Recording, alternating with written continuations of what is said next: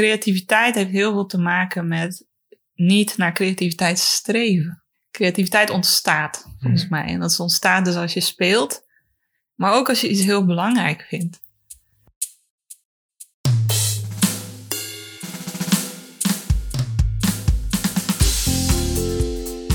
Hey hoi, superleuk dat je luistert. Dit is de Creatiedrift podcast. Mijn naam is Ruben Stelly en in deze podcastserie ga ik elke week in gesprek met een inspirerende gast over creativiteit en zijn of haar creatieve leven.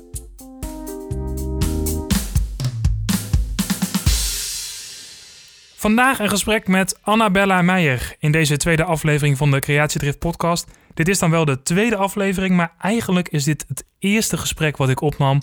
Dat kwam qua planning net iets beter uit. Dus het gesprek van Jaap uit aflevering 1, die was eigenlijk na, uh, na dit gesprek. Maar goed, dat doet er ook helemaal niet toe. Vandaag Annabella Meijer. Visual talk, denktekenaar en visual storyteller. Maar dat was ze niet altijd. Ze is opgeleid als architect, maar mede dankzij de economische crisis heeft ze niet lang als architect gewerkt. Ze belandde in een persoonlijke breakdown. Ze vertelt daar heel openhartig over in dit gesprek. En ze vertelt langzaam, ja, ze vertelt eigenlijk hoe ze daar langzaam weer uit is gekomen. En hoe ze haar passie weer vond, haar passie voor tekenen. Tegelijkertijd vond ze ook een levensmissie. En tegenwoordig zet ze haar creativiteit in voor een duurzamere wereld. En dat vind ik ontzettend mooi om te zien. En dat is de reden waarom ik graag Annabella wou spreken in deze podcastserie. Um, ik ken Annabella al, want ik heb het boek ontworpen wat zij heeft uitgebracht. Het boek Eerste Hulp bij Klimaatverandering. Een boek wat een combinatie is van wetenschappelijke artikel over de klimaatverandering, aangevuld met strips en een stukje persoonlijke ontwikkeling. Um, ja, het boek is gelanceerd dankzij een succesvolle crowdfunding. We hadden al meer dan duizend boeken verkocht in de voorverkoop, terwijl het boek nog volop in de maak was. Um, het was, dat was een groot succes en een heel leuk project om mee aan bij te dragen. Daar hebben we het uiteraard over, over dat boek Eerste Hulp bij Klimaatverandering. Daarnaast vertelt ze onder andere hoe een groot plan, een groot doel, je eigen creativiteit kan stimuleren. Of in ieder geval hoe dat bij haar werkt. En we hebben het nog over veel meer dingen. Dus hier is dan in de Creatiedrift podcast Annabella Meijer. Zo Annabella, welkom. Hi. Welkom in je eigen huis. ja. Ja, leuk dat jij uh, deze podcast met mij op wil nemen. Ja, heel graag gedaan. Ja? Nou ja, ja we gaan nog zien wat er van komt natuurlijk. Ik hoor mezelf graag praten, zeg ik altijd. Dus, uh. Nou, dat komt heel goed uit. Toch alleen vooral het podium, of niet? Nou, eigenlijk altijd wel. Ja? Maar ik luister ook heel graag. Dus, uh. Oké, okay. nou dan kan je... Nou, het, is, je, het is in evenwicht. Dan kan je nu praten en dan kan je straks zelf terugluisteren. En dan is het mooi in evenwicht. Kijk. Oké. Okay. Um, ja, we gaan het hebben over creativiteit. Um, onder andere en over jouw stappen die je hebt gemaakt, zeg maar. Mm -hmm. um, ik heb even een openingsvraag. En dat is een soort van En dan gaan we daarna los. En dan zien we wel waar we uitkomen. Dat is een beetje opzet. Oké. Okay. Als, als ik denk aan creativiteit, dan uh, denk ik ook vaak aan kinderen. In de zin van dat kind, wordt gezegd, kinderen zijn altijd creatief. Mm -hmm. Dus daarom is mijn eerste vraag aan jou. Wat maakte jij als kind? Wat maakte ik als kind? Dan moet ik meteen denken aan het spelen. Um, ik ben opgegroeid in Mozambique, in Afrika. En uh, ja, ik had dan uh, Playmobil boven, maar ik speelde op straat met afval.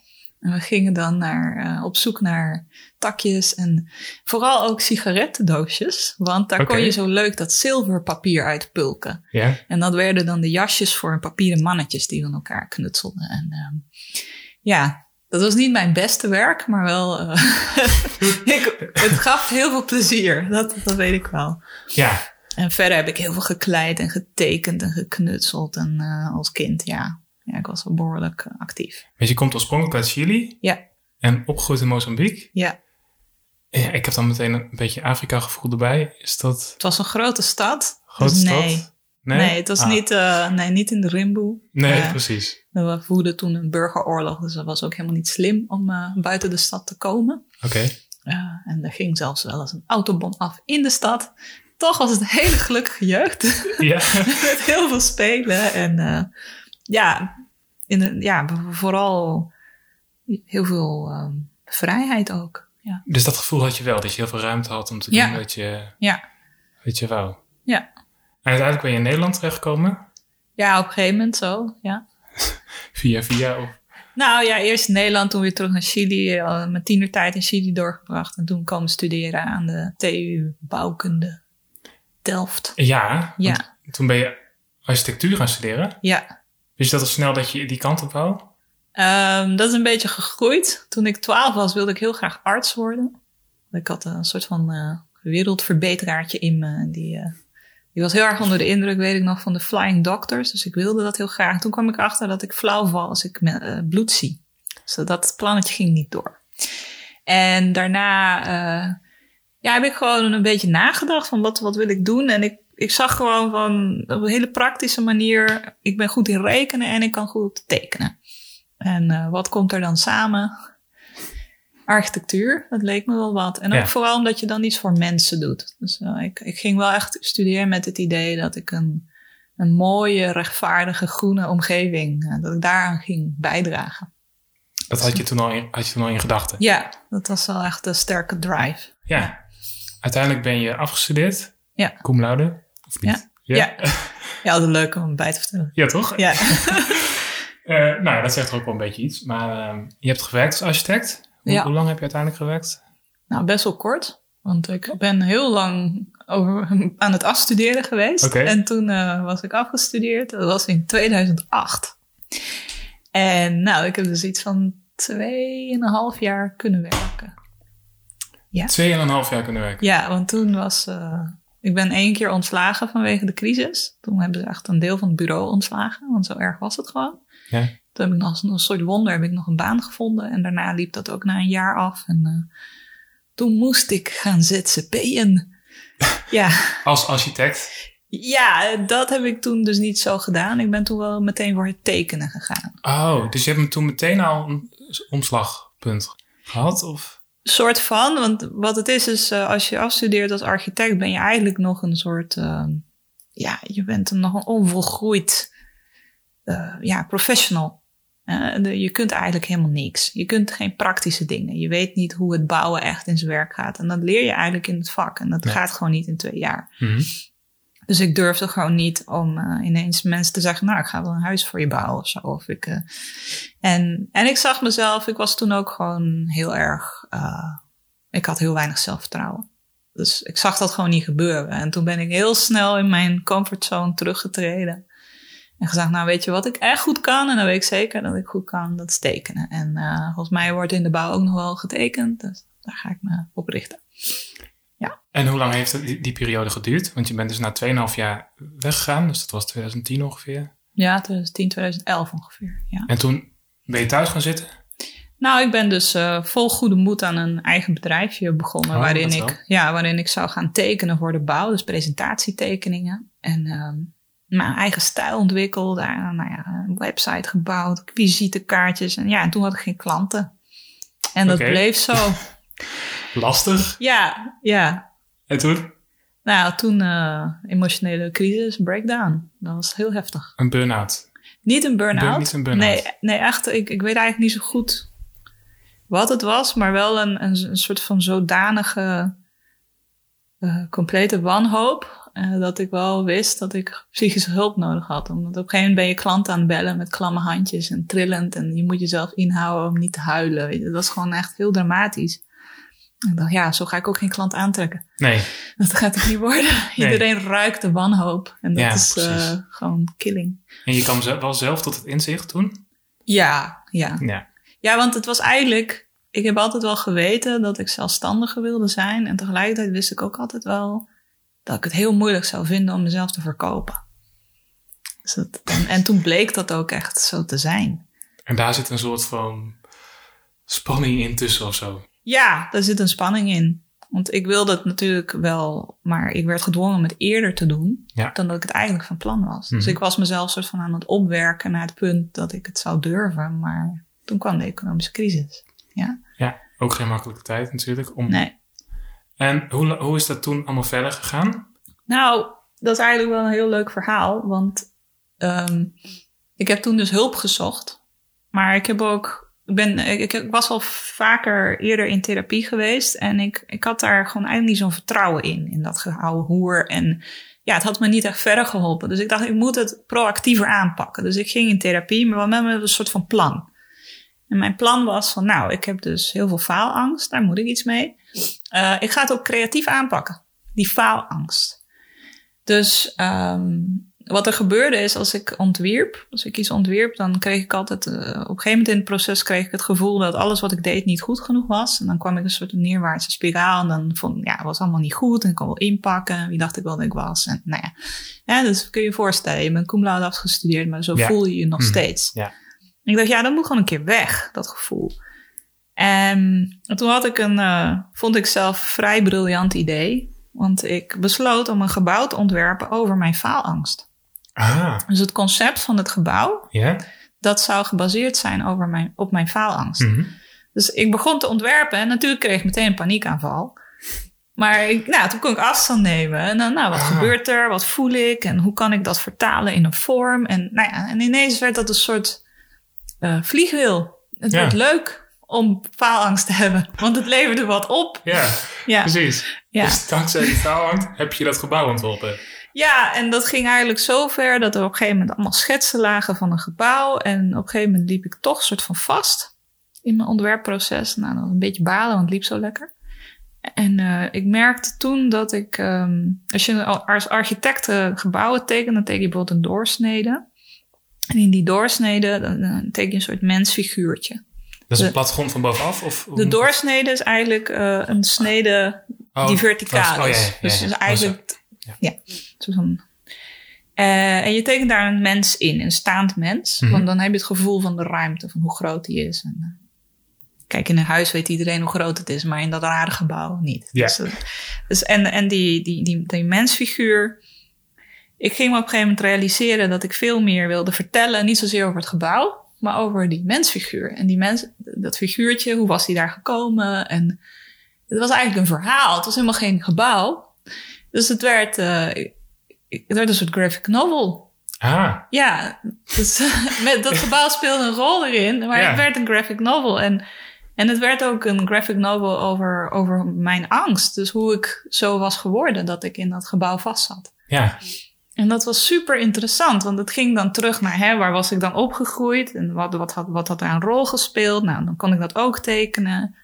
En het, het, ja, de architectonische taal was eigenlijk een soort van uh, middel om het inzichtelijk te maken. Hè. Op een gegeven moment had ik een heel groot gebouw die ik dan helemaal moest uh, bijhouden. En het was helemaal autosufficient. Dus er, er was alles. Weet je, er waren bomen, maar ook vissen die ik dan ik moest oogsten en schoonmaken. En ik tekende dat allemaal. En ik zag in hoe tragisch dat was. dat je dan zoveel eisen stelt aan jezelf en dat het er zo eenzaam uitziet. Ja.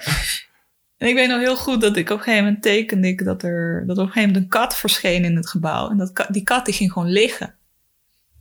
Nou ja, ik niet, hè. Want ik, ik was natuurlijk aan het poetsen in dat gebouw, weet ik veel, aan het werk. Dus, maar, maar zag je dat voor je dan of teken je dat echt al een strip? ik tekende, ik heb al die tekeningen, heb ik nog. Ah, het echt is, een strip, stap voor stap? Hoe dat Ja. dan? Ah. ja. En die kat ging liggen? zei Ja, die ging gewoon liggen en uh, toen ging ik een beetje spelen met die kat. En, uh, nou, dat was dan leuk. En op een gegeven moment doemde er zo'n figuur op die die kat dan wegjoeg. Ja. En dat was oké, okay, want ja, dat mag niet. Je moet natuurlijk wel nuttige dingen doen. Nee, je moet niet een beetje gaan spelen. Ja. Um, en als je het hebt over creativiteit, dat was wat er bij mij eigenlijk heel lang al weg was. Mm -hmm. Het gevoel dat ik gewoon kon spelen. Ja. En dat er ook geen resultaat aan hoefde vast, mm -hmm. uh, vast te hangen. Het, het spelen. Het ja. proberen. Ja. Uiten. Ja. En eigenlijk voor, uit, die, uit die, dat plezier gewoon doen. Ja. En dat was ik al heel lang kwijt. Echt, uh, dat zorgde er ook voor dat ontwerpen een soort hel was. Ja. Ja. Omdat je, ook omdat je zo'n frustratiedruk erop had zitten? Of Ja. Dat je wist van, het moet, er moet weer iets goed worden wat ik Ja. nu aan het maken ben. Ja, het moet, moet wel goed worden, ja. Ja. Ja. Waardoor je dus misschien uiteindelijk helemaal niks gaat maken. Omdat dan komt er helemaal niks meer uit je... Nou, uiteindelijk kwam er wel iets. Er kwam altijd wel iets. En het was ook nog best wel oké. Mhm. Maar ik voelde altijd in al mijn ontwerpen aan die universiteit een soort, ehm, ik weet niet, een vervreemding. Een vervreemding. Vervreemding. Zo van, ik had iets gemaakt en ik keek ernaar en, en dat je dacht van, ja, ja, het is wel goed, maar ik voelde niks bij en het voelt niet. ehm, detachment is misschien ook een beter woord. Sorry, wat zei je? Detachment. Ja. Dat je. Ehm, ik was ook nooit echt trots. En, en eh, ik had dus nooit ervaren wat het was om echt trots te zijn op je werk. Totdat ik dus de eerste pagina's van die graphic novel tekende. Want Oh, toen voelde ik dus een enorme trots. Ja. Ik wilde het aan iedereen laten zien. En eh, dat was voor het eerst. En komt dat door dat, dat speelse dat erin zit? Ja, Oh, Maar ook door dat menselijke, of niet? het was menselijk. Eh, ja, het had heel veel, het had heel veel ehm, lagen. Kijk, het ging over die faalangst eh, te lijf gaan. Maar dan op een creatieve manier. Maar het ging ook over eindelijk mijn eigen verhaal een plek geven. Dus dat was ook een soort van therapie. Hè? Want ik mocht eindelijk eh, gewoon zijn. En ik, ik kon mezelf tekenen in situaties. En nou ja, het creëerde een soort afstand tussen eh, die moeilijke dingen. Dus dan kan je ook op lachen. Ja. Ik Je kan kan- ook zeggen van, nou, wat een streng gebouw heb ik getekend. en ik kon ook echt van genieten van hem ook heel streng uitbeelden. Omdat ik nu afstand had. Ja. Omdat ik dacht, nou, natuurlijk, dat gaan we ook niet meer doen. Dit. Nee, precies. Nee. Ja. Dus alles was mogelijk ineens. En Ja. je kon het gewoon meteen uiten. Ja, alles was mogelijk. Ik kon het uit en ik had ook de vaardigheid van Ja, het ook, tekenen. ja. Dus, en het is ook heel bijzonder om te zien dat de eerste bladzijde van die graphic novel begin ik nog heel soort van voorzichtig met zo'n dun lijntje zo. En aan het eind is het echt, pff, weet je, met verf. En het is heel soort van losgegaan eh in, in, in één bladzijde. Ja. Ja. Maar was het ook omdat je in het begin dacht van... Kunnen anderen dit zien? Of, eh, of was het dat niet? Was het meer van dat je het nog niet durfde te uiten? Ik, eh, dat, dat jaar was sowieso een beetje een gek jaar. Want ik had besloten dus in die therapie te gaan. Maar ik had ook besloten om voor die faalangst op te lossen. En, en voor mezelf dingen uit te zoeken. Dus ik was... Ik had me teruggetrokken in het huis van mijn schoonouders. Waardoor ik geen verplichtingen had qua Oh geld. Mhm. Dus ik had ook weinig moeten in mijn leven gecreëerd. Om echt te voelen van wat wil ik nou. Dus de blik van die ander had ik eigenlijk een soort van bewust zoveel mogelijk buiten gesloten. Ja, Eh, want daar had ik inderdaad heel veel last van. ja. Maar daar heb ik vrij drastische maatregelen voor moeten nemen. Ik heb me als een soort monnik moeten afzonderen. Om, om dat te kunnen voelen bij mezelf. En dat was dus bij jouw schoonouders gaan wonen? Ja, want dan hoefde ik ook niet te solliciteren. Dat, want, ik bedoel, ik moest het wel van het UWV. Maar, Ja, ja. Het, maar er zat niet een soort drang van... oh, als ik geen baan krijg, dan, eh, dan moet ik... eh, dan heb ik een enorme schuld. En dan eh, weet ik veel. Het, het was niet gevaarlijk in die zin. Nee. Al dat moeten viel weg. Ja, het meeste, bijna Ja. al het moeten veel weg. Ja, En toen stond langzaam de wil op. de wil op. Ja, De, Ja. de ware Annabella? Of nou ik noem het eigenlijk de wil. de wil? Want ik wist gewoon echt niet wat ik wilde. En als je creatief bent, dan heb je, heb je toch een richting nodig. Je Mhm. moet weten wat je eigenlijk wil bereiken. Want er zijn heel veel wegen die... Ja, op het moment dat je analyse maakt, kun je nog steeds heel veel oplossingen verzinnen. Dus er moet iets zijn vanuit jou dat dat leidt. En als je dat niet hebt, kun je ook niet beslissen. Nee. Uh, en, niet, ah, en die randvoorwaarden, dat weet je als ontwerper. Je maakt analyse van een programma. En uh, ja, nou ja, in de architectuur kijk je naar andere dingen, zoals morfologie van een stad of naar uh, budget of naar um, historie en, en, en al die dingen. Dan bouw je dan een idee over van, nou, dit, dit is een soort randvoorwaarde voor je ontwerp. Maar dat is nog niet genoeg om daar. Je moet nog steeds iets willen. Anders Hè, met, met die randvoorwaarden heb je nog steeds uh, geen richting eigenlijk. Nee. Niet genoeg. Nee. Dus je moet die wil hebben om dat dan ja. te gaan maken en te gaan doen. Ja. Uiteindelijk ben je dus voor jezelf begonnen als tekenaar. Ja. Uh, Kanai. Mm -hmm. ik, ik dacht laatst volgens mij op jouw website dat het ook voortkwam uit... Dus dat het een stripfiguur was? Ja. Uit jouw jeugd? Dat klopt. Mijn broer die tekende stripjes. Ja. En uh, hij tekende die grappige stripjes over ons gezin. Dus dan hadden we bijvoorbeeld iets meegemaakt en de auto die ging stuk of zo. En daar maakte hij een stripverhaal over. En dan lagen we allemaal dubbel in het huis. Want we hadden dat, hij had het altijd heel erg overdreven. en uh, hij, teken, hij noemde mij Kanai. En uh, we wisten allemaal niet waar dat vandaan kwam. Hij ook niet. Uh, en het was een heel simpel stokpoppetje wat hij van mij had gemaakt. Als ik over nadenk, wel heel apart. Want alle andere figuren waren wel gewoon mensen. En ik was dan een stokpoppetje. Dus uh, achteraf gezien is het best wel apart. Maar ik, uh, ik was op een gegeven moment wat ouder. En ik vond het leuk wat hij deed. Dus ik ben een beetje in zijn voetstappen soort van getreden. Dus ik ah. ging ook stripjes over ons gezin tekenen. En over dingen die ik meemaakte. Niet heel veel, maar wel een paar legendarische waar mensen in mijn familie nog steeds om kunnen lachen. weet Ja? je wel. Ja. ja. En ik weet nog dat ik als kind ook een paar keer wat strips heb ingezonden naar zo'n eh, zo'n kinderkanaal, televisiekanaal, waarin je dan iets kon winnen en zo. En eh, ik heb echt wel een paar keer beet gehad qua prijzen. Dus dat was wel... eh, Kijk, ja, het is me later nooit gelukt met architectuur prijsvragen. je had Ja. al wat gewonnen als Ja. kind. Een Barbie of zo. Een Barbie. Maar toen je dus begon als, volgens mij staat ook op je website, als, als, als tekenaar, als striptekenaar, kon het niet anders dan dat je Kanai ging heten.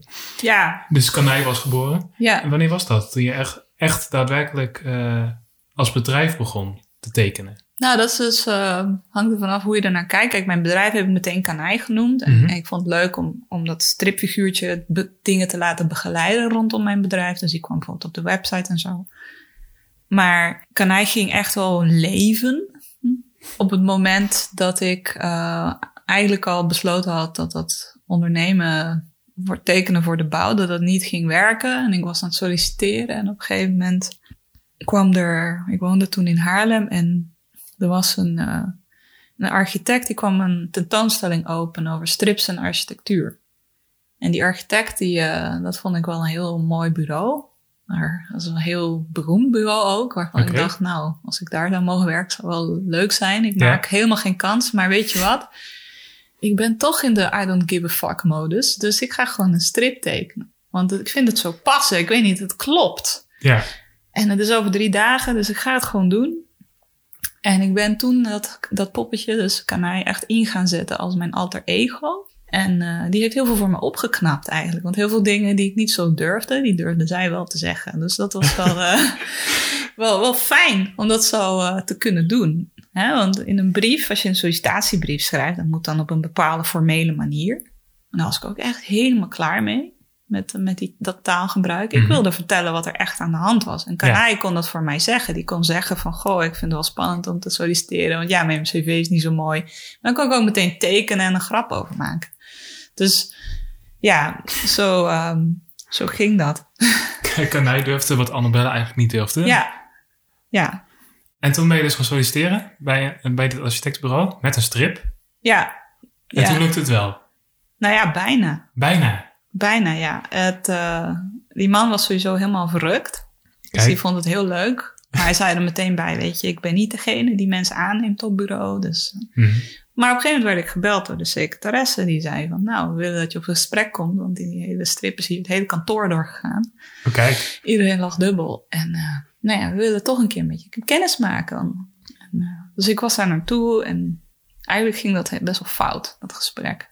Ik eh, kreeg een soort blanco en die andere partner van hem was best wel, kritisch en stelde vragen die ik ook niet zo heel terecht vond. Bijvoorbeeld over mijn leeftijd, dat ik dacht van, nou ja, dat vind ik echt niet kunnen, zo'n vraag. Maar ter plekke kon, had ik geen respons. Ja. En ik kwam naar thuis met zo'n gevoel van, nou, dit heb ik verpest. En toen stond er weer in, mijn, in mij op dat eh, fuck this shit eh, gevoel. Dacht, nou ja, ik heb het toen niet kunnen zeggen, maar Kanai kan dat nu voor mij nog een keer zeggen. Dus ik epiloog van die strip maken. Epiloogstrip. Weer, ja, nou ja, dit had ik nog willen zeggen. En trouwens, je vindt me oud, maar dat heeft ook voordelen. En, nou ja, ik kan bijvoorbeeld heel goed taarten bakken. Nou ja, ik weet niet. Dus dan heb ik een grap over gemaakt. En weer ingestuurd. En, eh, en het, het hele mooie van dat is dat het solliciteren aan zich was leuk. Dus het resultaat, dus het moeten, was ook weer weggevallen. Ja. Ja, je maakt het solliciteren op zich al Het solliciteren op zich was zo leuk Ja. dat het me heel veel opleverde, heel veel zelfvertrouwen. Ja. Als je jezelf tekent op een positieve, assertieve manier, de helende kwaliteit is niet te, te overschatten. Het is Ja. gewoon, je ziet jezelf terug en het verandert iets in je. En dat is ook de kracht van zo'n tekening. Dat ik nu ook in mijn werk gebruik voor anderen. Maar toen dus voor mezelf. Ja. En ja, vervolgens kreeg ik dus een opdracht. En ik heb de tijd van mijn leven gehad bij dat bureau. Heeft, eh, Oh, je hebt nog wel wat opdrachten ook, ook eh, gedaan. ik heb één opdracht bij Henk gedaan. En ik werd Een architectuuropdracht of een tekenopdracht? een storytelling Oké, tekenopdracht. kijk. Ja. En dat was ook bij mij toen er een kwartje viel. Want ik dacht, oké, ze huren me niet in voor waar ik eigenlijk voor ging. Mhm. Maar voor wat ik gewoon even heb gedaan. hmm. is dit nou mijn toekomst? Moet ik nou striptekenaar gaan worden? Ja. Dat verdient nog minder dan een architect in de crisis. dus ik zag niet helemaal hoe dat ging werken toen. Ja. En vervolgens kreeg ik geen baan, dus dat was een soort van domper. Was een behoorlijke domper. Ze wilden wel heel graag, zeggen ze. Ze hadden alleen geen geld en crisis enzovoort. En, uh, achteraf gezien ben ik al heel blij dat ik daar nooit mee ga werken. Ja, hè? Ja. Um, en toen ben je dus voor jezelf begonnen. Wat zijn de opdrachten die je voornamelijk bent gaan doen? Ik, ik weet dat jij zegt, ik zit bij vergaderingen en ik ben de enige die geld krijgt voor mijn tekening. ja, precies. Ja, dat, daar begon het mee. Ik, uh, mensen die attendeerden mij erop dat dat gewoon een, een betaalde werkvorm mm -hmm. was. Ja. Dat je gewoon bij een vergadering kon gaan zitten tekenen. En het grappige is dat ik op een gegeven moment dacht, nou, ga ik maar een keer proberen of ik het kan. Dus de tweede keer dat ik het probeerde was bij een congres. Ik was daar gewoon omdat ik geïnteresseerd was in dat congres. Over bouwkunde ging het ook. En ik was een beetje aan het tekenen. En er was een vrouw, uh, die kwam bij me langs. Die zei, mag ik je kaartje? Want wij organiseren binnenkort zo'n sessie in, uh, weet ik veel, in het oosten van het land. En uh, we willen ook zo'n tekenaar. Dus ik had eigenlijk meteen werk. Kijk, het kwam gewoon, ja. kwam gewoon aanwaaien. Het kwam vanaf toen echt aanwaaien. Ja, of ja. je trok het gewoon aan, omdat je zo in je kracht zat, misschien wel. Je, ja, in je kracht, maar je bent ook heel zichtbaar. Ja, ja, ja. Kijk, als je ja, ergens gaat zitten tekenen, dan ben je gewoon zichtbaar. En dan, zeker als je tekent met groepen. Dus in het begin ging ik, uh, heb ik een paar uh, ja, bijeenkomsten en organisaties uitgezocht die ik tof vond. En gewoon aangeboden om voor niks te tekenen, want ik was nog aan het leren. Dus ik vond ook niet dat ik daar geld voor mocht vragen. Mhm. Maar dat heeft wel de basis van mijn netwerk gelegd. Ja, en uh, ondertussen, denk ik, is er ook een andere hobby ontstaan. Zou ik het zo kunnen noemen? Ik weet niet of je het zo kan noemen. ik dacht dat ik het zelf ooit zo eens een keer heb gezegd. Klimaatverandering. Ja, klimaatverandering als hobby. Als ja. hobby. Nou, eigenlijk meer levensmissie. Ja, dat ontstond dus op een gegeven moment. Dus tekenen was er veel wat je wou doen, kan doen. Mm -hmm. En klimaatverandering, duurzaamheid, dat werd jouw persoonlijke missie. Ja, daar in, in die tijd dat ik onderzocht van, nou, wat wil Annabella eigenlijk in het leven, uh, kwam duurzaamheid heel hoog boven Mhm. drijven. En um, in die zoektocht kwam ik allerlei mensen tegen. En uh, in een van, die, een van die mensen die vroeg mij een keer om naar een klimaattrainingsweekend te gaan met activisten. Oké. Okay. Waarvan ik dacht, moet ik daar nou heen, activisten? die, hebben toch allemaal dreadlocks en um, ja, die zijn altijd uh, tegen alles. En ik moet zeggen dat dat voor een deel klopte, maar voor een deel ook niet. Mm -hmm. En um, het was heel mooi om mee te maken dat je op een gegeven moment op een plek komt waar iedereen zich zorgen maakt over uh, de toestand van de ecologie en de wereld. En ja. dat je gewoon een soort van uit de kast kan komen en daarover kan praten. Dus dat, dat maakte iets heel individueels, ook iets collectiefs en sterks. Mm -hmm. En waardoor ik me dus meer in het onderwerp ging verdiepen. Uit mezelf ook weer een soort van echt een behoefte om erover te leren. Ik ging zo'n uh, zo'n MOOC volgen. Een MOOC? Massive Open Online Course. Oké. Okay. En dat ging dan over climate change communication. Ah. Maar um, om dat te kunnen moet je eerst climate change een beetje onder de vinger, mm. in de vingers krijgen. Ja. Dus het ging ook daarover. En toen ben ik me echt helemaal rot. Dat ik echt dacht, holy fuck. Ik was niet op de, genoeg op de hoogte. Mm -hmm. Ik wist het wel, dat, ik wist dat het ernstig was, maar ik wist niet dat het zo erg was. En ik kan nu niks anders doen dan gewoon focus aanbrengen hierin en ja. iets mee gaan doen. Mm -hmm. Dus uh, de volgende stappen hadden te maken met aan de ene kant met activisten meedoen. Dus op een gegeven moment ben ik ook uh, naar de klimaattop in Parijs meegegaan om te demonstreren, zeg maar. Dus op die manier. En dat ervaren, uh, wat heel, een hele mooie ervaring was ook. En mensen hebben daar allemaal beelden bij, maar mm. dat is niet terecht. Ik heb er ook een soort stripje van gemaakt over die tocht. En die is ook uh, veel gedeeld, want ik, ik, laat een soort inkijkje zien in activistencultuur, die okay. zo heel mm -hmm. mooi is. Maar aan de, aan, de, aan de tegelijkertijd vond ik ook dat activisten wel toch bijzonder weinig voor elkaar kregen. Door de manier waarop ze dingen zeiden. En dat er dus blijkbaar nog een soort van missend onderdeel was. Ja. Dus ik ben me ook gaan verdiepen in psychologie en in relatie tot duurzaamheid. En colleges gaan volgen en boeken gaan lezen. En toen was daar wel een, een, eh, een, een, een indaling van... hé, hey, we moeten het echt wel anders doen. Mijn grootste inzicht was toen wel van... ik denk dat dat voor iedereen het belangrijkste inzicht is ever... is andere mensen denken niet zoals ik. Andere mensen worden niet gemotiveerd door dezelfde dingen als ik. Ja. Ik denk dat... Uh, en, en dus mijn beeld op de wereld, de wereld opdringen... gaat per definitie tot problemen leiden. Mm -hmm. Als ik andere mensen niet begrijp, dan uh, kan ik ze ook niet bereiken. Dat was een groot inzicht. En uh, toen ben je langzaam ook tekeningen gaan maken. Ik weet dat jullie toen kaarten zijn gaan verspreiden, maar dat is al later, denk ik, hè? Ja. Hoe is dat, hoe is dat ontstaan eigenlijk? Nou, het, uh, het is begonnen wel met tekenen. Dus mm -hmm. ik, ik had dus de, die, die strip gemaakt over de, de klimaattop oh ja, en mijn ja. reis. En daar heb ik ook toen besloten, oké, okay, ik ga een boek maken. Want ik oh. voel dat er moet een vorm van activisme komen die op de een of andere manier een soort overbrugging kan maken. Dus besloot je toen al van, ja. er gaat een boek komen? Er gaat een boek komen, dat was dus eind 2015. Oké. Okay. Maar ja, ik was nog steeds wel van, oké, okay, een boek maken, dat, dat vind ik best wel eng. Ik weet Hm. niet of ik ken allemaal mensen die al jaren aan een boek werken. dus uh, ik heb zo'n idee van hoe moeilijk dat is. Ja. Uh, ik ga het gewoon klein aanpakken. Ik ga eerst bloggen. En niet omdat ik denk dat mensen het gaan lezen, al hoopte dat ik dat wel natuurlijk. Maar omdat ik dan een soort discipline ga kweken in het tekenen op een bijvoorbeeld maandelijkse basis. Ja. Dus over een onderwerp tekenen. En toen had ik dat een jaar gedaan. En had ik die tekening en toen dacht ik, oké, nu heb ik allemaal op mezelf dingen gedaan. Nu wordt het tijd om met mensen te gaan praten over dat boek en dan wat ideeën te toetsen. Dus ben ik in gesprek gegaan met mensen en verteld over het idee dat ik een boek wilde maken over klimaat waar je blij van wordt. En dus allemaal vragen gesteld over hoe zij omgaan met klimaatverandering, hoe ze er zich bij voelen. Want dit was een beetje mijn, mijn gedachte was, heel veel mensen doen niks met klimaat, omdat ze er gewoon allerlei negatieve dingen bij voelen. Mm -hmm. En zelfs de mensen die er iets mee doen, die ervaren, die voelen daar heel veel bij. En we hebben het er eigenlijk nooit over, over die gevoelens. Ja. Dus daar ga ik op zitten, op dat stukje. Mm -hmm. En um, nou, die gesprekken leiden tot heel veel inspiratie. Uh, maar ook tot een soort van bevestiging van dat, er, dat het wel kans maakte. Mm -hmm. Jouw insteek, zeg maar. Ja. Ja, want mensen werden, konden heel de gedeprimeerd of uh, serieus praten over het onderwerp. En als ik dan vertelde, en ik ga een boek maken met tekeningen waar je blij van wordt, dan lichten die ogen meteen op. Dus dan dacht ik, oh, oké, okay. dit doet dit iets. Werkt, ja, dit, ja, ja. Het werkt nu al. Ja.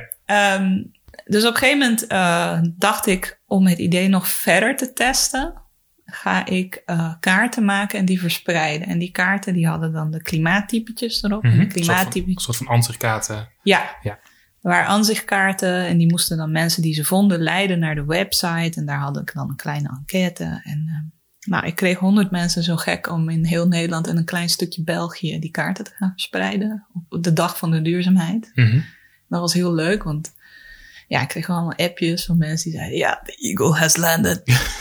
weet je wel, the eagle has landed. En ja, nou ja, met de kinderen toch gedaan, weet je wel. Dus, um, even een kaartje tussen gestopt. ja, of, uh, gewoon in, tussen de in, koffietentjes zo er even tussen Ja. gesminkt. Ge, ge- ja, dus, dus dat, en ik kreeg, kreeg foto's ook van mensen van wat ze hadden gedaan. En ehm was heel leuk, maar de hele actie was eigenlijk een soort flop. Want eh, Nou, op de dag zelf dus niet, want jullie hebben heel veel lol gehad. we hebben heel veel lol gehad. Maar daarna? Maar daarna, het hele, de hele bedoeling van die actie, die, uh, dat er mensen dus naar de website zouden gaan en helemaal geïnspireerd zouden raken van het project, dat, dat is niet uitgekomen. Nee. En wat ik daarvan heb geleerd is uh, inderdaad dat, um, dat je heel goed na moet denken over wat mensen motiveert als ze een kaart zien liggen. Hmm. En dat is dat ze toch vooral met iets anders bezig zijn. Ja, Ze zijn gewoon koffie aan het drinken en er ligt een kaart en they don't give a shit. ja Het precies. is heel hard, maar ja. Dat is wel zoals het is. Ja, maar wij hebben wel lol gehad. Ja. En, uh, en dat was, uh, ja.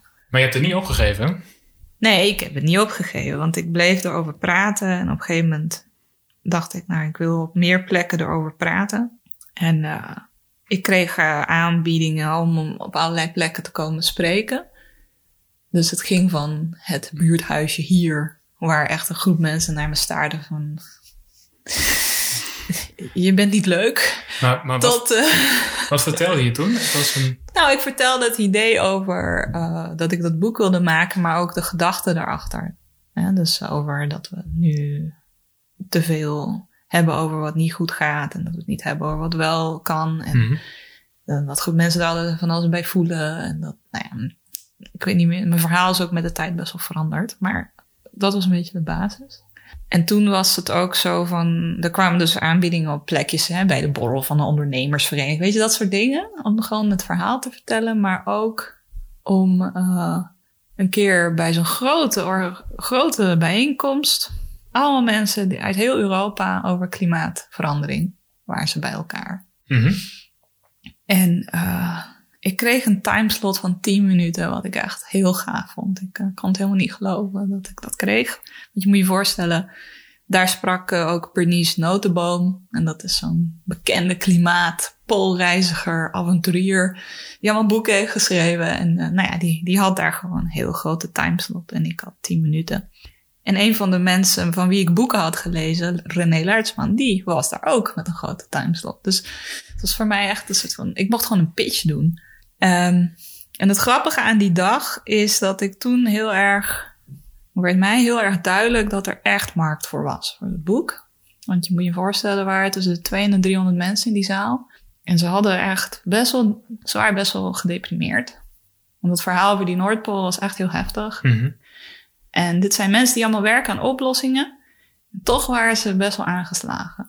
En ik weet nog dat die moderator zei van... Nou ja, ja het is wel erg maar de Noordpool, maar we blijven doorgaan. Hè? Weet je, dat was echt een soort van wanhopige. Ja, ja, ja, ik voel het al een beetje. Eh, en toen kwam ik het podium op en ik hield mijn verhaal. En eh, nou, ja, ik, ik had wat grapjes, maar dat was gewoon niet ingestudeerd of zo. Maar gewoon, oh, lijkt me leuk om te vertellen. En ik vertelde over de vlot met mijn kaart. En nou, vonden ze hilarisch.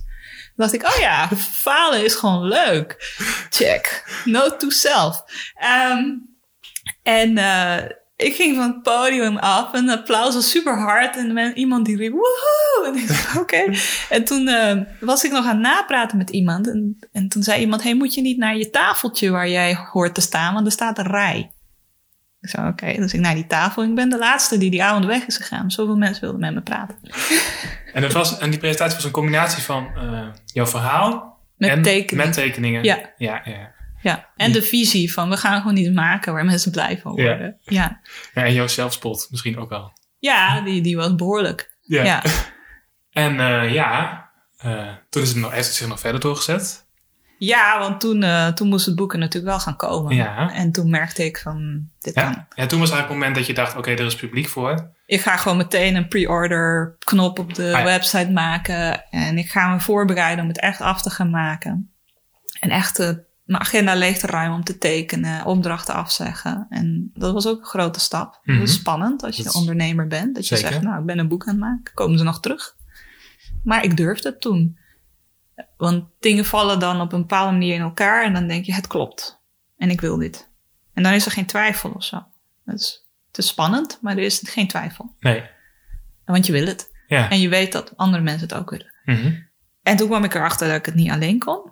Want ik ging veel te traag. Ik dacht, nou, het klimaat verandert veel sneller dan dat ik het kan maken. dus, dus ik moet echt hulp in gaan vragen. Ja. Ik ga, ik ga eh, roepen. Ik ga vliegen. En was toen nog het idee van dat het alleen een stripboek was? Of had je ook wel snel het idee, er moet ook wat informatie in of wat achtergronden? Of... Nee, dat idee had ik toen al. Ja. Dat, dat er echt, eh, het begon met het idee van een stripboek. Maar langzamerhand was er toch wel meer ingeslopen. En ik moet ook zeggen, achteraf hebben sommige crowdfunders ook geklaagd dat het een te dik boek was met te veel tekst. Dat eh, nog wel Krijgen een, ze meer en is het nog ja, goed? kregen ze meer en dan. eh, Eh, ja, dus toen heb je er andere mensen bij gehaald.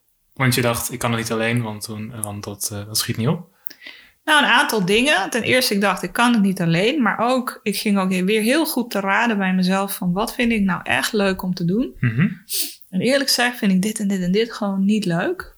Ah, zo, ja. Eh, ik vind het niet leuk om mezelf nu onder tijdsdruk te gaan verdiepen in klimaatwetenschap. Want ik weet wel wat, maar je moet het wel goed doen. En ik voel me nu niet oké om dat te gaan doen. Maar toevallig ken ik iemand die daar helemaal in zit. En dat lijkt me wel heel leuk om bij zijn tekst te tekenen. Ja. Dus zo ben ik er naar gaan kijken. Want kan ik nou mensen vinden die wat ik niet leuk vind of geen tijd voor heb, wel heel leuk vinden om te doen. Zo kom ik onder andere ook bij jou. Klopt. Ja, dat was begin vorig jaar, begin 2018. Dat was Ja. die tijd dat je, Ja. dat je iedereen een beetje bij elkaar ging. Ja, want iemand had, eh, jij had in een Facebookgroep eh, geroepen dat je iets wilde met duurzaamheid en mensen wilden leren kennen. En iemand had mij getagd. En ik eh, dacht, nou, een ontwerper, leuk. Ik ga eens op zijn website kijken. Dacht, oh, dat is wel heel leuk. Nou ja, ik ga gewoon een keer koffie drinken. Je weet maar nooit. Zeker. Je weet maar nooit. Eh, dus ja, zo eh, zaten wij daar in Amsterdam. En ik, eh, ik was meteen heel brutaal bij de eerste date gewoon zeggen van... Nou, doe je mee? Dus dat. Ja, nou ja, de rest, Dit is geschiedenis. de rest is geschiedenis, ja. Dus dan stond het hele, 2000, jaar, het jaar, hele jaar 2018 stond voor jou in het teken van het maken van het boek. Ja, bijna wel. Bijna ik heb wel. wel heel veel gewerkt tussendoor. Mhm. Maar ook heel grote stukken tijd vrijgenomen daarvoor. En je bent ook bewust, eh, omdat het zo ontiegelijk veel tekenwerk was voor jou ook, ben je naar, heb je jezelf afgezonderd, onder Ja. andere? Ja. Omdat je dan, omdat je zocht naar focus? Of wat was precies? Nou, focus, maar ook... ehm, kijk, het meeste heb ik gewoon aan deze tafel getekend. Oké. Ik heb hier gewoon een soort studiootje gebouwd en ik heb hier 70 uur per week getekend, eh, een maand lang. Maar daarvoor heb ik eh, ook heel veel getekend en ik heb mezelf twee keer afgezonderd op een kasteel die Slangenburg heet. Die beroemd is omdat daar mensen wel eens boeken gaan schrijven. Ja. En die afzondering, het mooie was, je hebt daar een soort monnikenritme. Hè, met eh, koffie om zo lang, eten dan. En Ondertussen wordt hij geklust hieronder. ja, dat had eigenlijk klaar moeten zijn. Maar. Maar, maar de, de focus die, je, die ze daar aanbrengen in het dagelijks ritme, Mhm. die zorgde voor heel veel productiviteit. Ah. Ook omdat je heel veel pauze had. Dat was het grappige. Aha. Ik had heel veel pauze en heel veel ge- koffiegeleuter gesprekjes met mensen die ik helemaal niet kende. Maar dan ging ik terug en bam, gewoon keihard werken. En dat was heel goed. Maar dus er zit een soort van ritme in. Ja, Ook, dus ook de pauzes. ja, Maar geven hun dat dan aan van, dat zijn de tijden dat je werkt. En dan is er pauze, dus dan neem jij ja die pauze. pauzes zijn gewoon strak. Kijk, Mhm. en je kunt ervoor kiezen om niet op te komen dagen. Maar ja, dan heb je geen eten en dan heb je dus pech. Ah, ja. Dus als je een half uur later komt, dan is het gewoon pech. Nou, bijna wel. Ja, ja. ja. Ik eh, schoot me net nog iets te binnen. Oh ja, want nu hebben we het vooral over de productiviteit. Dus het moest heel veel gebeuren. Er moest heel veel getekend worden. Maar al die ideeën voor die strips, ja. hoe zijn die ontstaan? Is dat... Nou, jij- dat, is, ja, dat is dus het grappige. Ehm, eigenlijk eh, tijdens heel veel van die gesprekken die ik heb gevoerd Ah, ja? en die interviews kreeg ik input. En ik wist het niet altijd meteen te plaatsen, maar er bleven altijd quotes hangen of mensen die, dingen die mensen hadden gezegd, maar ook krantenartikelen of iets op Twitter. Of nee, er bleven dingen hangen. En op het moment dat ik me dus afzonderde, omdat Zangenburg en de tijd eromheen, was het eigenlijk tijd om te downloaden. Ja, ik kan niet anders Downloaden. omschrijven dan zo. Want Ik ging gewoon zitten en toen was het gewoon stripverhaal. Kwamen alle Stripverhaal. plek- puntjes kwamen bij elkaar. Ja. Het verhaal, het verhaal viel op zijn plek ook. En- Ja. En dat had allemaal wel een soort van in mijn hoofd had het wel heel erg gewerkt natuurlijk, onbewust. Mhm. Maar ook door die tijdsdruk en ook omdat ik gewend ben door mijn werk. Mijn werk bestaat uit luisteren en meteen tekenen. Dus ik heb geen tijd om daar heel veel over te... Hè, moet het goed of zo? Daar heb ik geen tijd voor. Dus ik ben gewend om meteen me over te geven aan de pen als het Mhm. En dat betekent niet dat ik in dit proces meteen alles wat op papier stond, dat dat meteen goed was. Maar wel 60%. En dan hoef je alleen nog een klein beetje dingen te schuiven. En ik moet ook zeggen, weet je, in de jaren dat ik dus sinds mijn werkloosheid is mijn graad van perfectionisme behoorlijk omlaag gegaan. Dus ik kan me best voorstellen dat er mensen zijn die zeggen: Nou, dat had wel beter zo getekend kunnen worden. Dat was mooier. Sterker nog, iemand heeft dat ook tegen me gezegd. En Naar aanleiding van het boek? Of? ja, Oké. ja, dat het eh, net zo, net wat beter en meer lijndiktes en zo. Uh, andere mensen hebben dan een mening over de stripverhalen. En, en, ik, uh, en ik kan dat gewoon naast me neerleggen, want ik wist wat het doel was. Het doel was om die verhalen op tijd af te ronden. Voor mijn publiek. Hè, de mensen die gewoon gecrowdfund hebben en die vertrouwen in je hebben gestoken, die moesten het boek voor kerst hebben. En het, was het goed genoeg? Dat was eigenlijk het criterium. Ja. Dus dat was het doel en dan die lijndikte. Ja. Maakt niet uit. Want dat, dat zijn we even, o- hebben we even overgeslagen. Dat heb je ook nog gedaan die zomer. De hele crowdfunding voor het boek. Nou, dat was net voor de zomer. dat was net voor de zomer. Dat was juni. Juni. Heel juni. Dus officieel wel zomer. Crowdfunding. Maar de voorbereidingen begonnen al eind april.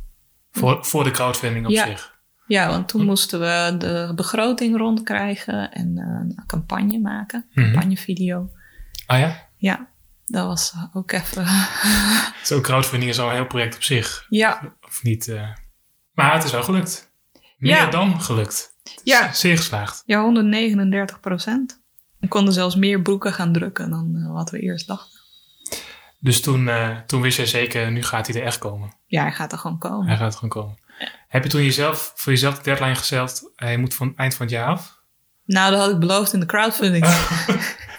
Dus je had in april al beloofd, hij moet aan het eind van het jaar af? Nou ja, in, in mei. In Ah. juni. juni. Juni ging die crowdfunding live. Dus in mei Mhm. hadden- had ik bepaald dat dat... Ik heb een beetje zitten rekenen van is dat mogelijk? Ja? Ik heb wel echt gerekend, maar hoe lang doe ik al een strip? Want ik had er al twee gemaakt. Dus ik wist ongeveer hoeveel tijd dingen kosten. Dus het was haalbaar. En je wist ook nog hoeveel er nog, of je er nog wou, zeg Ja, maar. ik Dus wist dan- precies. Ik heb een soort... eh, ja, gewoon post-its, eh, de, de hele invulling van het boek gemaakt. En gezien hoeveel er nog overal getekend moest worden. Ik ben me wel rot geschrokken. Ik zag wel dat ik hele korte zomervakantie zou hebben. maar het was wel haalbaar. Ja. En hoe kijk je nu terug op die periode van alleen maar beuken en alleen maar bezig zijn? Het was fantastisch. was dat, ja, Ja, toch wel. ja, het was echt fantastisch. Want het is heel moeilijk. En aan het eind begon ik ook echt behoorlijk in te storten. Mhm. En eh, ik hield mezelf heel fit door heel veel te sporten en heel veel te pauzeren en zo. Maar toch is het gewoon veel. Ehm, maar het feit dat je gefocust bezig bent, wat in mijn werk heel vaak helaas niet zo voorkomt. Mhm. Ik heb veel kleine opdrachtjes. Ik moet heel vaak schakelen van Mhm. de ene opdrachtgever naar de ander. En dat heb ik ervaren als heel erg eh, rustgevend. Mhm. Dus eh, gewoon tekenen, klaarmaken. Maar ook schrijven, want ik heb ook geschreven. En dan, ja, gewoon die focus van met één onderwerp bezig zijn. Eén goed, groot doel en dat is een hele bubs van werk, maar dan weet je gewoon de komende tijd zit ik hier aan. Ja, het gaan en het gaat lukken. En dan lukt het ook. Ja, Vorig ja. jaar december ja, is het boek gelanceerd. ja 30 november. om precies 30, te- 30 november is het boek Ja. gelanceerd. Nou ja, dat eh, was ook een succes, denk ik wel. Ja, het was echt super gezellig die avond. Die avond ook, Ja. zeker. En daarna, de volgende dag, zaten we dus gewoon met een spread in trouw in de krant. Ja, Dat we klopt. echt niet konden geloven bijna. En eh er bleef wat media-aandacht komen. En dus eh, ook andere kranten.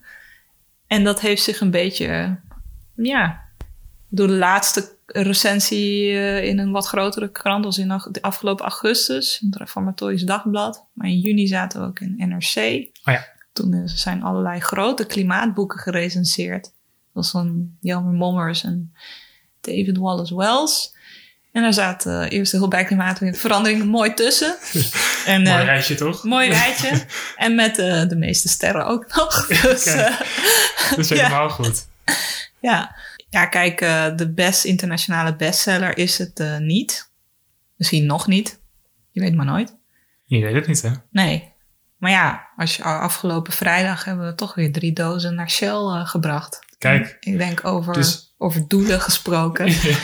ja. Dus het gaat ook nog wel door, zeg maar. Het is, Ik denk dat dat voor mij is uiteindelijk, ik zie het hele leven in termen van creativiteit. En dat is wel dat je dingen niet echt kan voorspellen. Je gaat voor iets, ja? maar je weet gewoon niet wat eruit gaat komen. En soms weet je ook niet wanneer. Dus je zet zo'n boek neer en dat gaat zijn werk doen. Net zoals mijn onbewuste zijn werk doet. Oh ja, ja. En op een gegeven moment eh, krijg ik daar strips voor terug. Als, als we dit boek nu hebben uitgezet, mensen hebben het gekocht, mensen praten erover, heel veel zie je niet. Dat is soms ook heel frustrerend, want je denkt, nou, eh, denkt iemand er nog aan? of zijn we nu alweer uitgerangeerd? Weet je, Ja. het is gewoon een nieuw dingetje, ah leuk, verder. En dat blijkt toch niet zo te zijn. Het blijkt dat er iets gebeurt daarbuiten en af en toe komt het weer naar je terug. Maar je kan het niet echt afdwingen Nee. je kan niet voorspellen. En in die zin is het een soort. Voor mij is het leven steeds meer een creatief proces. Dat ik echt inzet op dingen. En als het maar leuk is, Als het maar de doelen, mijn waarden erin zitten. En doelen probeer te bereiken die ik wil bereiken. Maar ik moet ook niet te hard proberen die doelen te bereiken. Dat, En dat, dat eerste puntje wat je aanstipt, dat is misschien wel een van de belangrijkste dingen, toch? Dat je het leuk maakt ook. ja. Want ik had nog even een dingetje genoteerd. Ja. Dat komt ook in het boek eh, voor. The Quantum Mechanics of Fun. ja, dat is mijn levensfilosofie. Dat is jouw levensfilosofie. Jouw zelf ehm, onderzochte wetenschap. Of, Ja, mijn eh, wetenschappelijk Ja. eh, bewezen door mij. Ja. hè, wat is het? Nou, het, het gaat dus heel erg uit van het, het je afschermen van het moeten. ah, Dus je hebt inderdaad dat doel waar je naartoe moet. En dat is heel belangrijk. En iedereen vindt het belangrijk. En mensen zeggen dingen tegen je. Maar daardoor gaat er iets in jou krom. En ondanks dat een deel van jou het ook wel heel erg wil, loop je toch vast. En als je wel, je kunt tijdelijk het afschermen van dat moeten. En dan ga je toch het van het pad af, noem het ook letterlijk. Omdat je op zoek gaat naar de lol. mhm. Ehm, dan kan het in eerste instantie voelen alsof je niet recht op je doel afgaat. En dat klopt, want dat ga je ook niet. Je gaat soms echt compleet de andere kant op. Maar je hebt dat doel wel in je gedachten. Dus niet dat je het los hebt gelaten. Je vindt nog wel dat het daar naartoe moet. Alleen eerst gaan we even doen wat we leuk vinden. Waar je energie van krijgt. Wat waardevol is voor jou op dit moment. En wat je ook kan op dit moment. Want sommige dingen kun je wel willen, maar dat kan je gewoon niet. Mhm.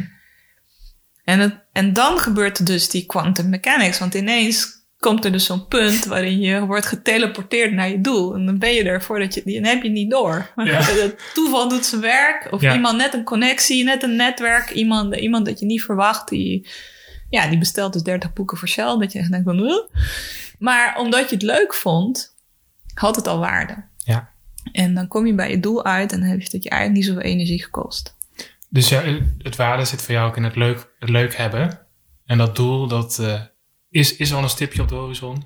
Ja, Maar Ja. daar kan je dan ineens naar ge- gecatapulteerd worden. Of, eh, Ja, of anderen helpen je daar naartoe Mhm. zonder dat je erom gevraagd hebt. Misschien trek je ook de juiste mensen aan op dat moment. Of de- ja, je trekt ook mensen soort, aan. eh, Want als je lol hebt, trek je gewoon mensen aan. Dat is eh, heel duidelijk eh, ook. Dat is ook wetenschappelijk onderbouwd trouwens.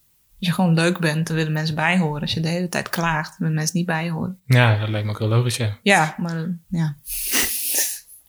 Nou, maar dat, is, dat vind ik ook heel knap van jou. ehm, dat bewonder ik wel heel erg in jou. Dat jij ook een soort van eigen podium voor jezelf creëert. Dat is dan heel langzaam gegroeid. Dat je een netwerk had van eh, mensen die met duurzaamheid bezig zijn. Maar dat project is langzaam gaan, bloe- bro- gaan broeden. Maar daardoor kreeg jij ook een soort van achterban. En Hm. heb je, had je op een gegeven moment je eigen podium gecreëerd. Zeg ik dat goed? Of zie je dat zelf niet zo?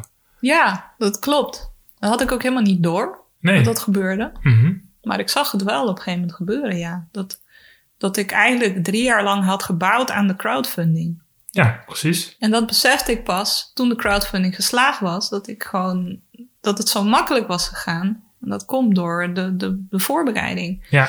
En dat heeft er zelfs toe geleid dat ik heb die crowdfunding gedaan op, eh, voor de kunst. Daar Mhm. heb ik hem aangemeld. Oh ja.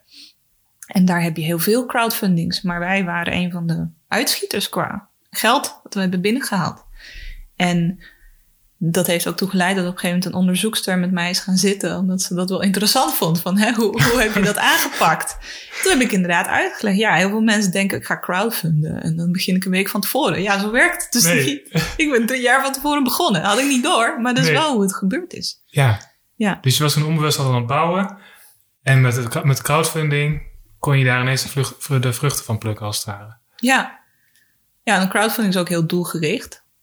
Mhm, Dus ja. mensen kunnen je wel willen steunen, maar als het allemaal maar lang duurt, dan, dan lukt het niet. Ik heb bijvoorbeeld ook iemand die wilde crowdfunden, die heeft mij om advies gevraagd. Maar één, één ding heeft ze al meteen fout gedaan. Ze heeft namelijk de termijn van die crowdfunding heel lang gemaakt. Van drie maanden. En ik heb tegen haar gezegd, dat moet je helemaal niet doen. Er wordt niet geadviseerd om dat te doen. Maar ze had het toch gedaan. Ja, uiteindelijk is het helemaal niet gelukt. Mhm. Had ook wel andere redenen, maar dat is eh, de kracht van de crowdfunding. Maar de kracht van de crowdfunding is vooral de crowd. Ja, letterlijk. Ik denk wel dat dat ook is wat ik heb geleerd. Ehm, je kunt nog zoveel ideeën hebben als je geen mensen om je heen hebt. Nou, dan kom je echt nergens. Ja. Ja. Nou, dat is een heel mooi punt, denk ik. Ehm, waar ben je nu mee bezig? Ik zag een project van je langskomen. We hadden het er straks ook al even kort over. Ja, Utopia. ja groeten uit Utopia. Groeten uit Utopia. Ja, ik, ehm, dat is ook een soort van tekenproject, maar ook weer niet. Oké. Dus het is en tekenen en iets anders? Ja, het is en tekenen en eh, weer, zeg maar, maatschappelijk. Mhm. Ehm, het, eh, het begint met bij mensen de, de diepste dromen en verlangens over hoe ze eigenlijk zouden willen leven bovenhalen. En dat, dat teken ik dan ter plekke. En, eh, Dus dan interview je die mensen en Ja. tegelijkertijd teken je dat Ja. uit. Ja. En ik vraag ze dan, als jij de baas was van, jouw, van een land, hè, een land, even fictief, Mhm. hoe zou het eruit zien? Dat is natuurlijk heel breed. Dus ik begeleid dat met wat andere vragen, zoals, eh, nou, hoe ziet het eruit? Zijn er mensen? Wat doen ze de hele dag? Wanneer hebben ze lol? Ehm, hoe, eh, wat voor energie drijft die samenleving? Ehm, wanneer heb je status? Nou, een beetje een soort van Mhm.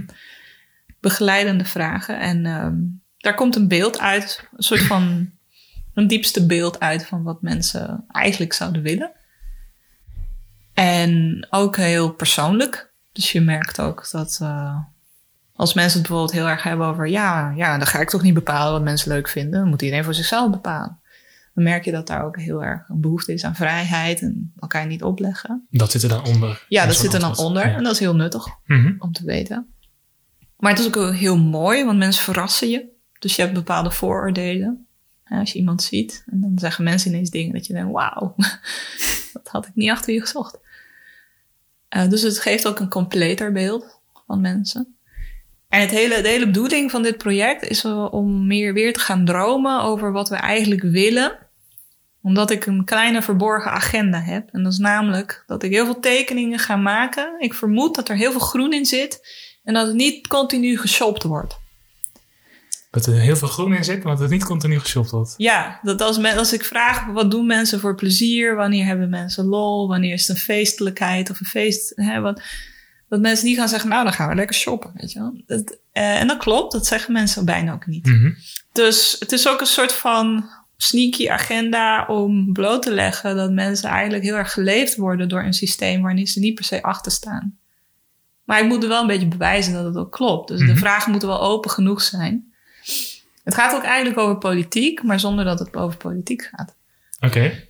Ja, moet even denken aan een stukje van de, van de boeklancering met Eerste Heel bij Klimaatverandering. Daar, was, daar zei je dat eigenlijk ook al, hè? In, eh, met, ehm, over het materialisme bedoel je? ja, ja, met, met die serenade. Die, Ja. ja. Ja, ja. Ja. Precies, precies dat. Ja. ja, eigenlijk gaat dat daarop voort. Ja. Want het doel van dit project is eigenlijk, dit is een soort van een beginnetje. ja. Maar het doel is om een stad te bouwen. Een fictieve stad. Een echte. Een echte stad. Ja. Oké, dus je maakt meteen echt gigantische plannen. eh, Het is nu. een gigantisch plan. ja. En het grappige is dat ik al in gesprek ben met een projectontwikkelaar. Die heeft me niet eens uitgelachen. Die heeft gewoon uit zichzelf gezegd dat hij het wil sponsoren. Joh. Ja.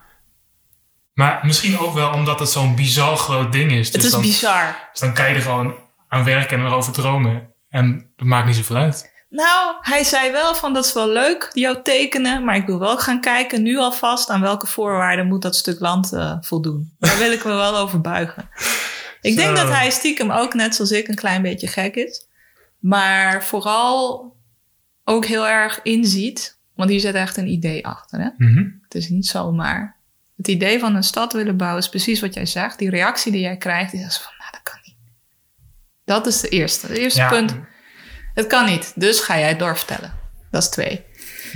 Eh, maar vervolgens, op het moment dat je wat mensen hebt die denken, nou, dit gaan we wel doen, dan ga je de boel ontregelen. Was een van mijn eerste doelen is om inwoners te gaan verzamelen. Kijk.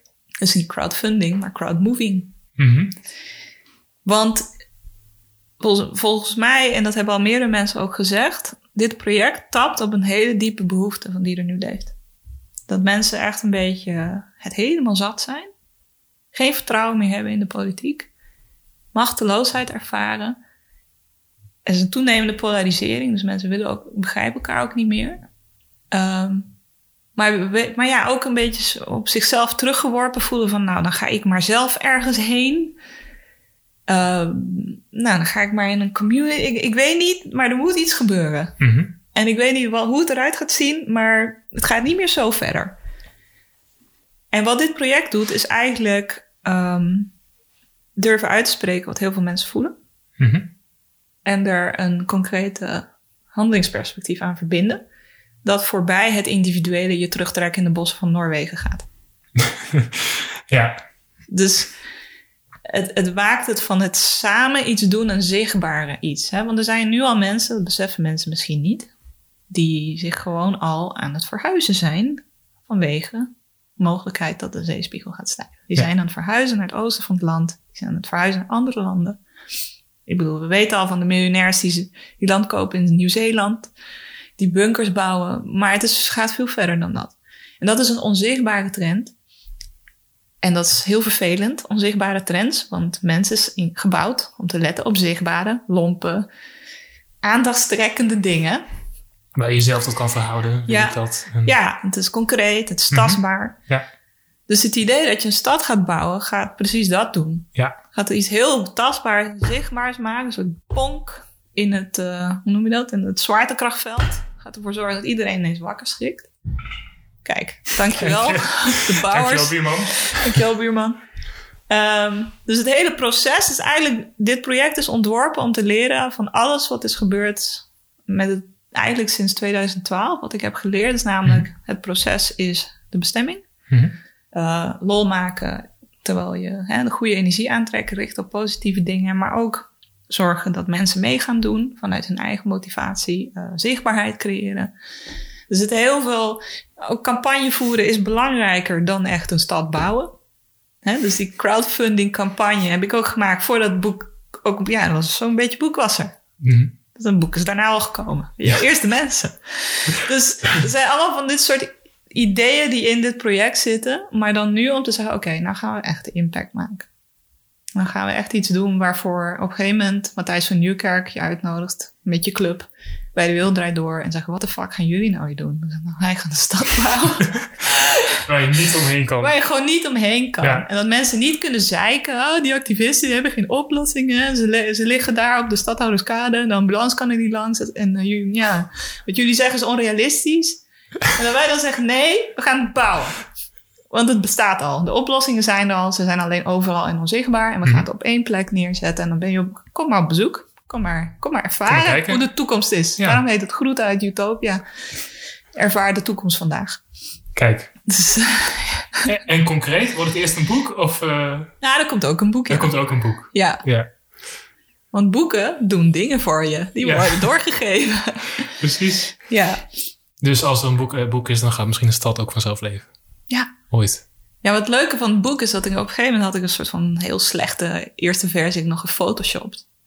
Dus had ik een leeg boek gefotografeerd en toen een plaatje op ge... Ja, dit, dit is van Israel Beckman van. Ja, hè? precies. Had ik gedaan. En de mensen dachten dat hij er al was. En dat ging zo ver dat op een gegeven moment een gemeente mij opbelde en die wilde een stel boeken bestellen. Maar het boek bestond nog niet. Dat vond ik leuk. Ja. Dat het zo gaat leven. Mensen lezen zo met een half oog die social media. En die denken, oh, nou, dan kun je het al kopen. ja, precies. Ja, dat, dat, dat bedoel ik.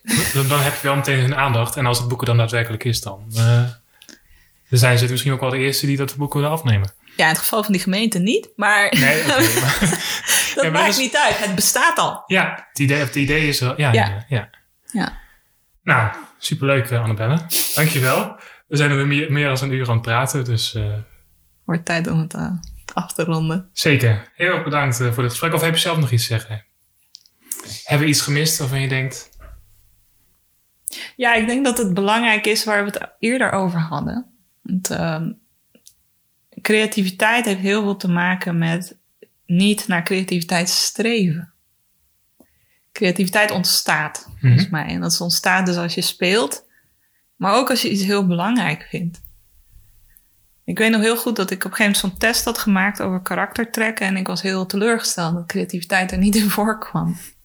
Want ja, ik had een ontwerpopleiding gedaan. Dus dat, Mhm. dat voelde een beetje zo van, nou, lekker is dat. En dat neemt niet weg dat ik super creatief ben. Dus ik, heb, ik ben echt een ideeënmachine. Ik als ik bijvoorbeeld zo'n Utopia, dan heb ik zoveel ideeën, joh, dat wil je niet weten. Gewoon allemaal gekke dingen kan ik bedenken. Andere mensen zitten echt een beetje, ja, ja. Maar waar komt dat door? Omdat ik iets heel graag wil en er zijn bepaalde waarden die voor mij op hun plek vallen. En in mijn geval ging het, mijn krachten gaan, ik heb een top 5 heet dat dan. Nou, daar zit bijvoorbeeld rechtvaardigheid, dat is heel belangrijk voor mij en uh, nieuwsgierigheid. Dus op het moment dat, dat dat voor mij op zijn plek valt, kan ik heel creatief zijn. Maar ik kan niet creatief zijn op, nou ja, kun je hier een. Uh, ja. Kan je een tekening maken voor uh, een opening van een gebouw, ik noem maar wat. Nou ja, dat is misschien wel een goede. Ja. ik bedoel, ja, wat, wat voor doel dient, die, dient dit? Wat voor groter verhaal zit hierachter? Ja, die waarde heb jij dus echt, dat is echt jou, de voer voor jouw creativiteit. Ik heb echt een groot verhaal nodig om creatief te worden. Ik kan niet uit het niks creëren. Dat kan gewoon niet. Mooi. Dankjewel. Graag gedaan. Dank je voor het mooie gesprek. Nou, graag gedaan. Ja, dat was er weer deze aflevering van de Creatiedrift podcast. Heb je tips, vragen of opmerkingen over deze aflevering of over de hele podcastserie? Dan kun je mailen naar podcast.rubenstelly.nl je kunt mij ook toevoegen op de social media, Rubenstelly, of mijn website bezoeken, www.rubenstelly.nl. Dan wil ik je bij deze nog hartelijk bedanken voor het luisteren en ik wens je een hele, hele fijne dag.